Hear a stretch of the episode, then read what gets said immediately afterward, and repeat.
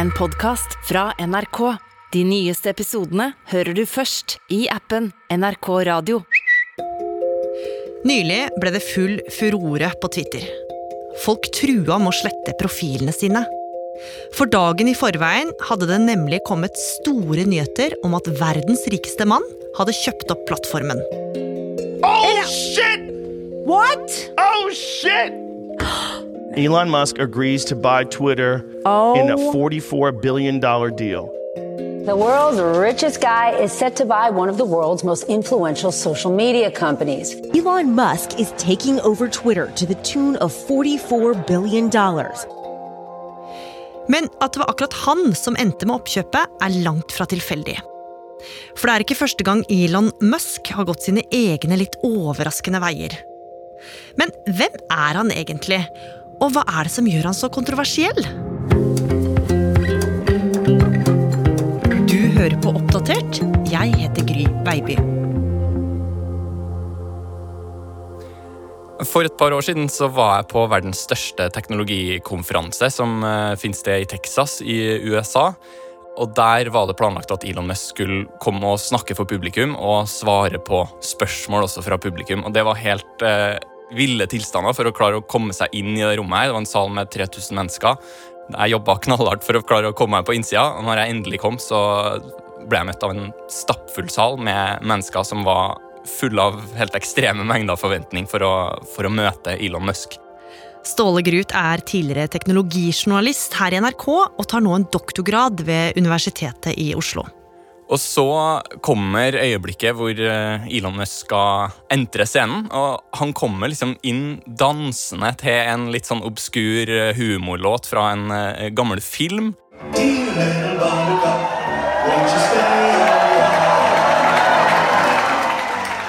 Og når han entrer rommet, så er det på en måte som en slags religiøs opplevelse. man kan si det sånn.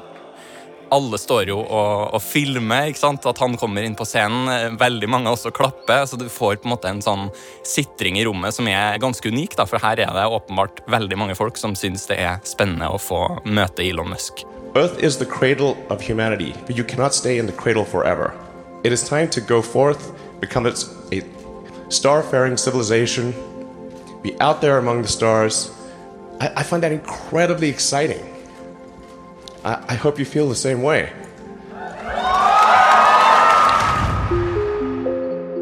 Men den voldsomme hyllesten er nå blitt snudd til skepsis. Spesielt etter at han kjøpte sosiale medieplattformen Twitter for 400 milliarder kroner. Ja, og nå er planen at Elon Musk han skal rett og slett ta over Twitter. Han skal eie det privat, i hvert fall hvis den avtalen her ender opp med å, å gå igjennom.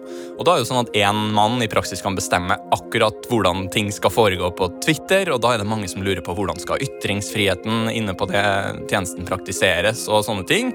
Og mange er bekymra for at han slipper opp på alle reglene som Twitter har innført, og at det blir et eh, arnested for eh, hatprat eller trakassering eller mobbing og sånne ting. Hmm. For det er kanskje ikke helt tilfeldig at mange blir litt ekstra skeptisk når det er nettopp Elon Musk som står bak dette oppkjøpet. For han er en av verdens mektigste menn, og med det oppkjøpet her så blir han jo enda mektigere. Men hvordan endte han egentlig opp her med så mye makt og innflytelse? Du, det er egentlig en ganske utrolig historie, og det handler om en helt unik fyr som har hatt en helt enorm tro på seg selv hele veien, og foreløpig endte opp som verdens rikeste mann. I 1989 så setter Elon Musk seg på et fly i hjemlandet sitt, Sør-Afrika. Da er han 17 år gammel, og han har bestemt seg for å reise til Canada. Og På det flyet så legger han jo også bak seg en ganske sånn tøff barndom. Faren hans hadde vært veldig streng og utsatt Elon og søsknene for det Musk beskriver som psykisk mishandling. Han hadde jo vært en nerd som hadde skilt seg ut i flokken sin med ganske geekete interesser. Han hadde søkt trøst i bøker og sånne ting. Og på skolen så hadde det egentlig vært enda verre enn hjemme, for han hadde blitt mobba og banka opp der gjennom hele oppveksten. Og det gikk så langt at en gang så endte han opp med å tilbringe ei uke på sykehus etter å ha blitt kasta ned ei trapp og tråkka på. Så når han sitter på flyet der, så ser han fremover, og han hadde et ganske klart mål, for han ville til USA. For det var der han eh, visste på en måte at det er der du kan eh, gjøre det umulige og få til alt du, du vil. Og da starter han reisen med å begynne på universitetet i Canada, der han gikk i noen få år, før han 20 år gammel endelig kommer seg inn i USA og kan begynne å studere økonomi og fysikk der. På universitetet fortsatte Elon å dyrke de litt nerdete interessene sine. Og vennene på den tida kunne fortelle at da det var fest, kunne de ofte finne han på rommet sitt foran datamaskinen. Ja, det, nå kunne han bruke timevis foran PC-en på strategispill som Civilization, og han hadde også ganske mangfoldige og spesielle interesser. For det første så bygde han og solgte PC-er til medstudentene sine på eh, der han bodde. Og så drev han jo på med dataprogrammering og tenkte masse og snakka masse om elbiler og romfart og elektrisitet og solenergi og sånne ting. Og for første gang kan man jo si så ble de her interessene møtt eh, med interesse av de folkene rundt den. Og så ble det også klart at han hadde et ganske skarpt konkurranseinstinkt, for han var med i masse konkurranser på skolen, og det var tydelig at han også ville ha de beste karakterene. Og da han var ferdig med universitetsgraden, begynte han på doktorgrad i California. Men etter bare to dager på skolebenken skjønte Elon at det ikke var noe for han. Han var nemlig utålmodig etter å sette alle ideene sine ut i livet. Ja, altså I stedet for så starta han en slags telefonkatalog for internett sammen med broren sin. Og det her var jo 1995, ikke sant? så internett var jo fortsatt noe som de færreste egentlig hadde noe mye erfaring med. Men det firmaet her gjorde det ganske godt. De solgte uh, tjenestene sine slags sånn 1881, om man kan si det sånn, til masse aviser sånt rundt omkring i USA.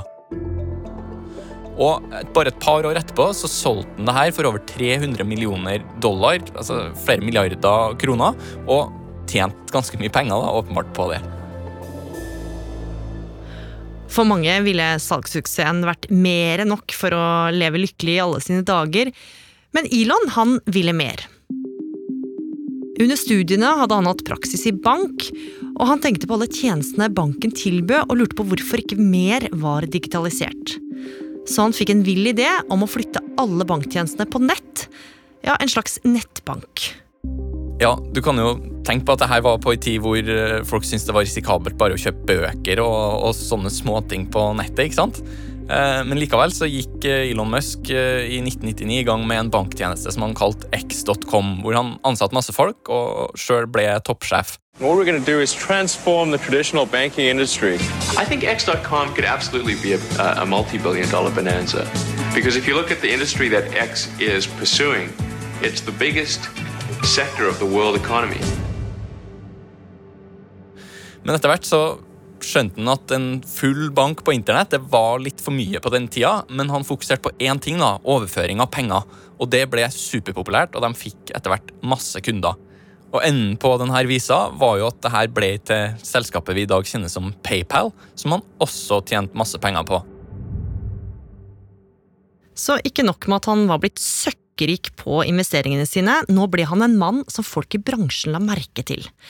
En mann som ble kjent for å virkelig tørre å satse, uten å nødvendigvis ha så mye kunnskap om det han gikk inn i. Altså Det han gjør nå, er å kaste seg inn i bransje etter bransje, og han har jo en del penger på bok, og han gikk annet inn i romfart med selskapet SpaceX. Eh, og romfart var jo på en måte dominert av eh, NASA, som eh, drives av amerikanske myndigheter, men han tenkte at det var noe som han også kunne være med å utfordre.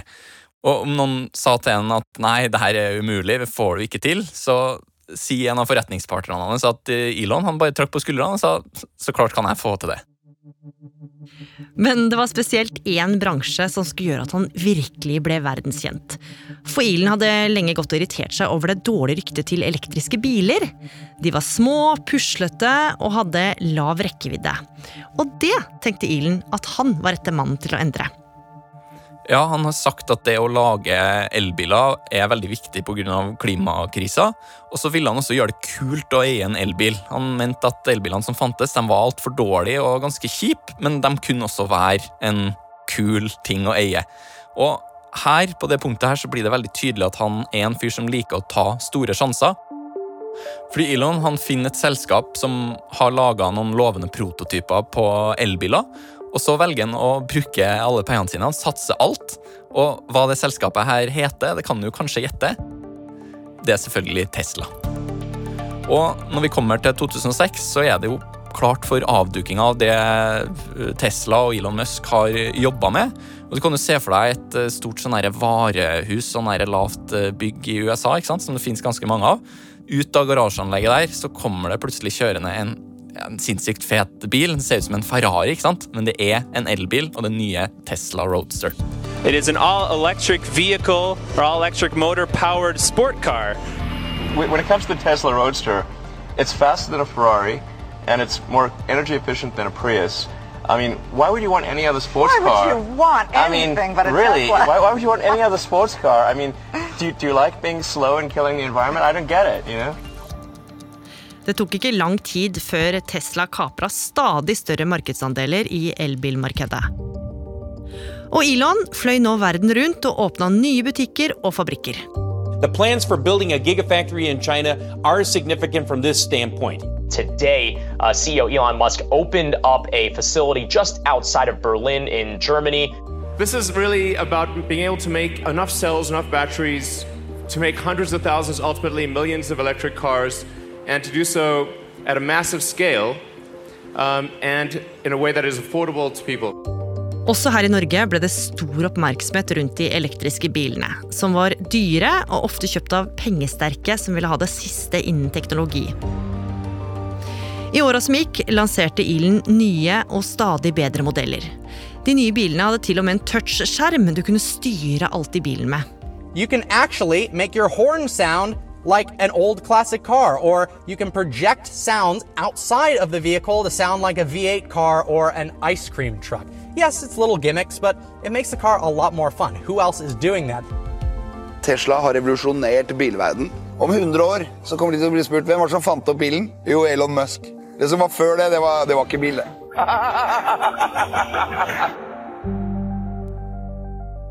Og det var nok flere på den tida her som kjente på det at hvis du kjøper deg en Tesla, så kjøper du deg også en liten del av Elon Musk og hans visjon for verden. Fordi personligheten hans ble jo ekstremt knytta til merkevaren og selskapet, ikke sant? Og her har du da en fyr som trer fram som en etter hvert ganske legendarisk sånn Silicon Valley-skikkelse, som er både visjonær og oppfinner og entreprenør på samme tid, så det er ikke rart han fikk mye oppmerksomhet.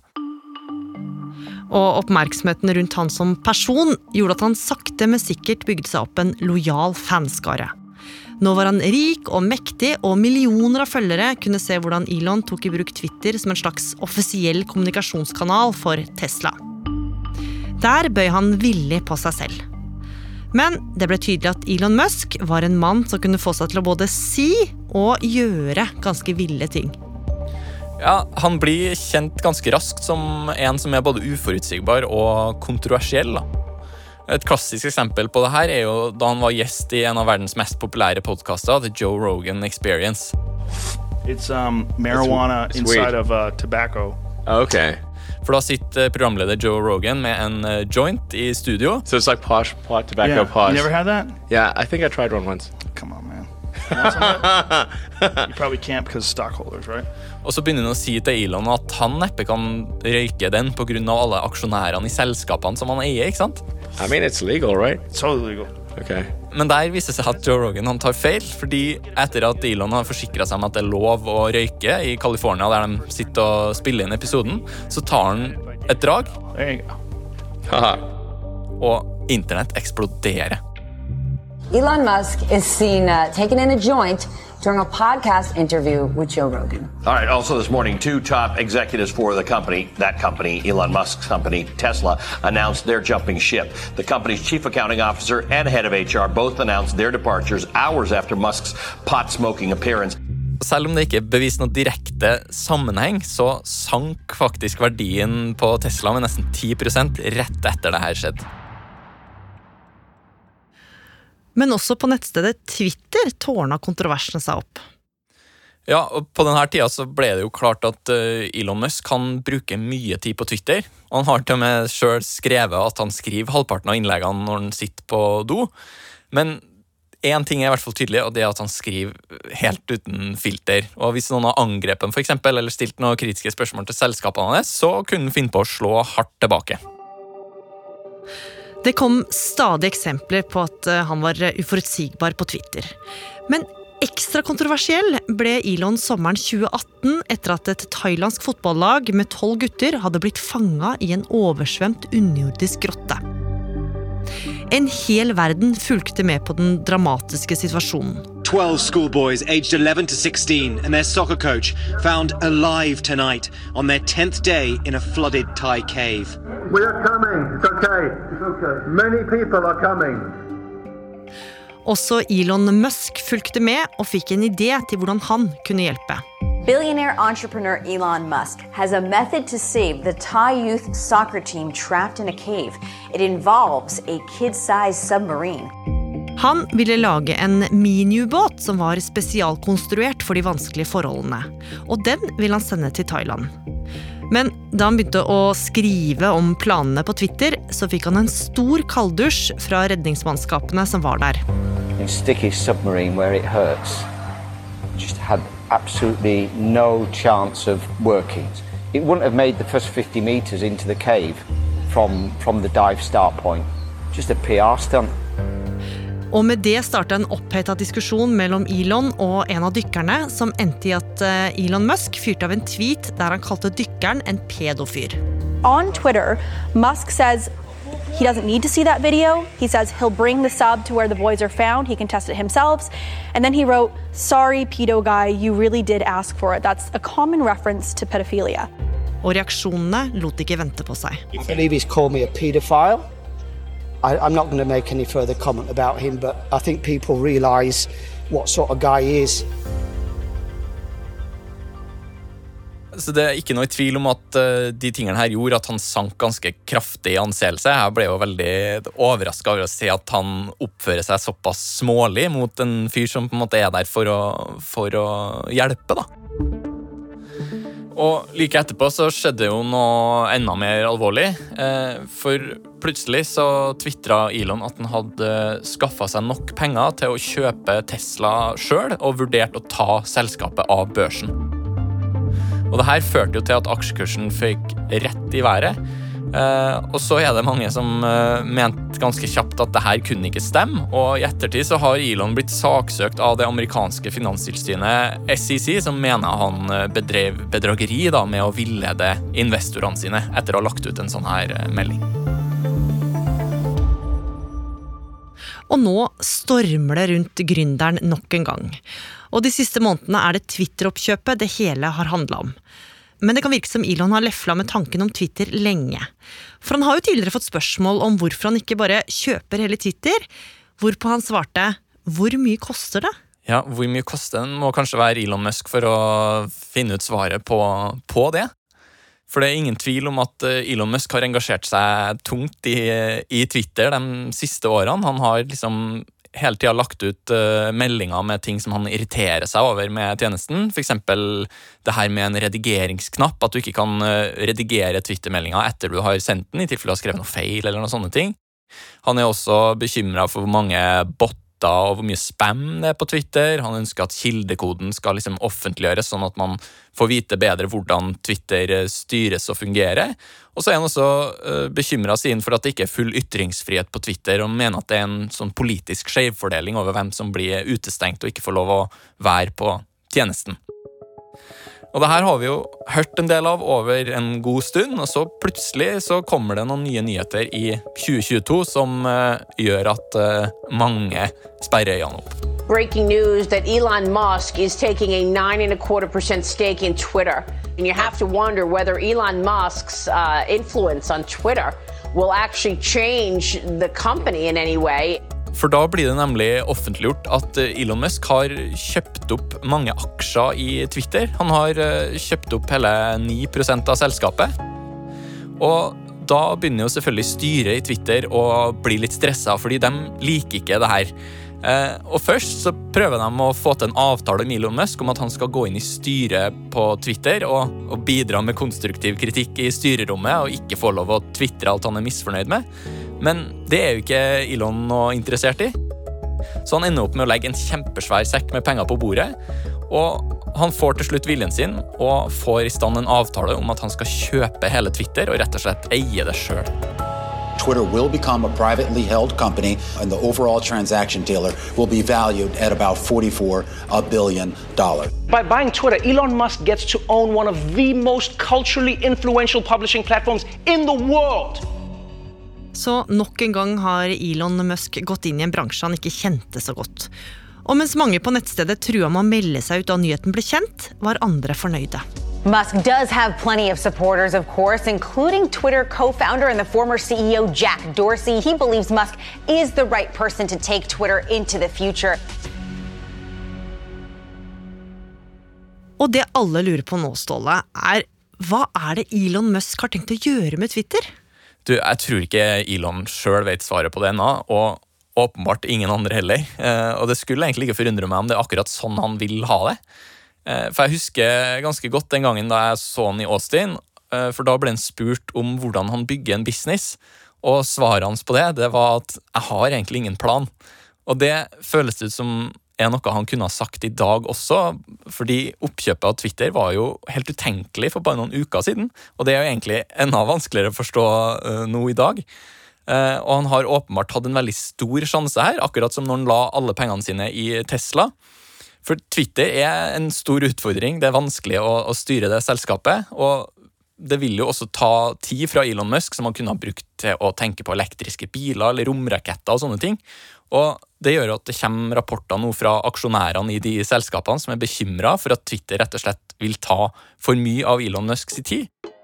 Så dermed kan jo resultatet av det her også bli en gedigen fiasko som ender opp med å velte hele eller deler av Elon sitt imperie.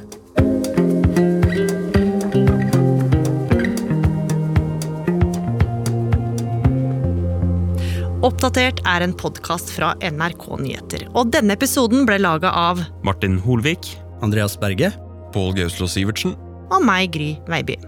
Programredaktør er Knut Magnus Berge. Du har hørt klipp fra CNN, Tesla, ABC, CNET, CNBC, The Independent, Joe Rogan Experience, USA Today, MSNBC, Aito Blog Green, Yahoo, TechLead og NRK. Har du tips eller innspill, send oss gjerne en e-post. Oppdatert krøllalfa nrk.no. Og du, liker du det du hører? Tips gjerne en venn om oss. En podkast fra NRK.